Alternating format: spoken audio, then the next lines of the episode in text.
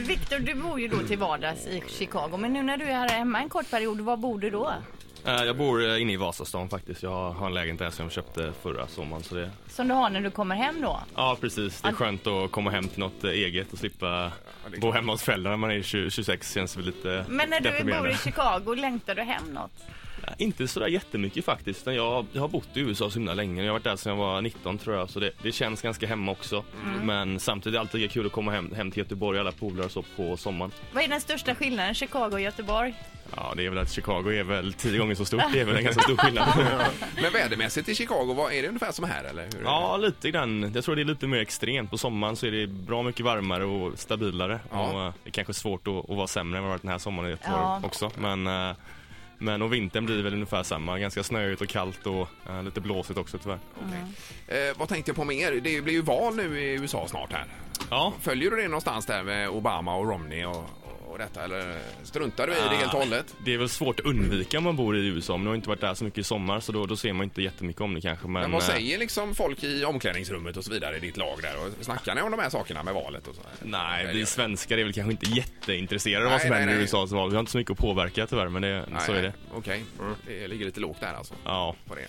Du är socialt nätverk sådär när när man eh, bor i ett eh, främmande land. Alltså har du mycket kompisar och fram, framförallt har du kompisar som inte spelar hockey? Ja, några stycken, men, men självklart blir de, de mesta blir ju från hockeylaget, så enkelt är det. det är, man reser mycket tillsammans, umgås mycket tillsammans, så det, det, det blir lätt att man, man eh, gör saker utanför isen också när man, man har tid till det.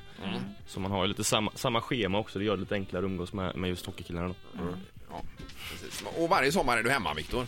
Ja, det har varit. Mer eller mindre. Ja, och precis. tränar du med Frölunda då när du är hemma? Eller Ja, hur? vi, vi är ett gäng som, som kör eh, nere på campus i Frölundas lokaler så de har varit eh, jätteschyssta och låtit oss eh, vara där utan några, några som helst restriktioner och, och träna då, så det brukar vara Vilka är det som är med då? på Ja, Ah, Eh, det brukar sommaren? vara jag, Erik Karlsson, eh, Filip Larsen, en kille från Dallas. Just det, ja. Eh, Louis brukar vara där och, och Henke, Eriksson, ja. Henke brukar vara där men nu hade ju han eh, fått sin lilla dotter här i, i somras så det blir lite Ja, svårt just för det. honom. Ja, men han är väl i stan nu har jag förstått det som här i alla fall. Ja, det verkar så. Ja. Jag har inte själv hört eller sett honom men eh, det går Säger rykten om det. ryktet. Ja, Ja. då. Men har ni transatlanter eget omklädningsrum? Nu? Ja, nej, på sommaren. Ja, det, det är omklädningsrum, omklädningsrum. Det är lite mer någon, eh, En skrubb. ja, en liten skrubb typ. Just det. Nu avslutningsvis då eh, så har vi en grej vi kör här med alla våra gäster och Ja. det är att man ska gå upp i brygga. Ja.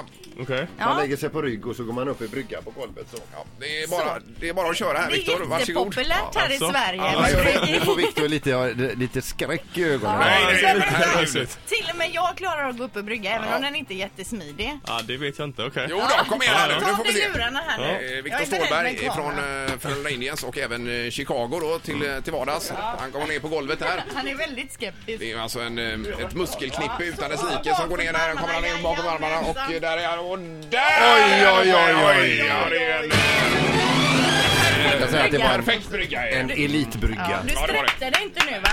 Tack så mycket Viktor. Och Marie hon ser så nöjd ut i hörnet här. Ett poddtips från Podplay. I podden Något Kaiko garanterar östgötarna Brutti och jag, Davva, dig en stor dos skratt. Där följer jag pladask för köttätandet igen. Man är lite som en jävla vampyr. Man har fått lite blodsmak och då måste man ha mer. Udda spaningar, fängslande anekdoter och en och annan arg rant. Jag måste ha mitt kaffe på morgonen för annars är jag ingen trevlig människa. Då är du ingen trevlig människa, punkt. Något Kaiko, hör du på Podplay. Därför arkadeinerna.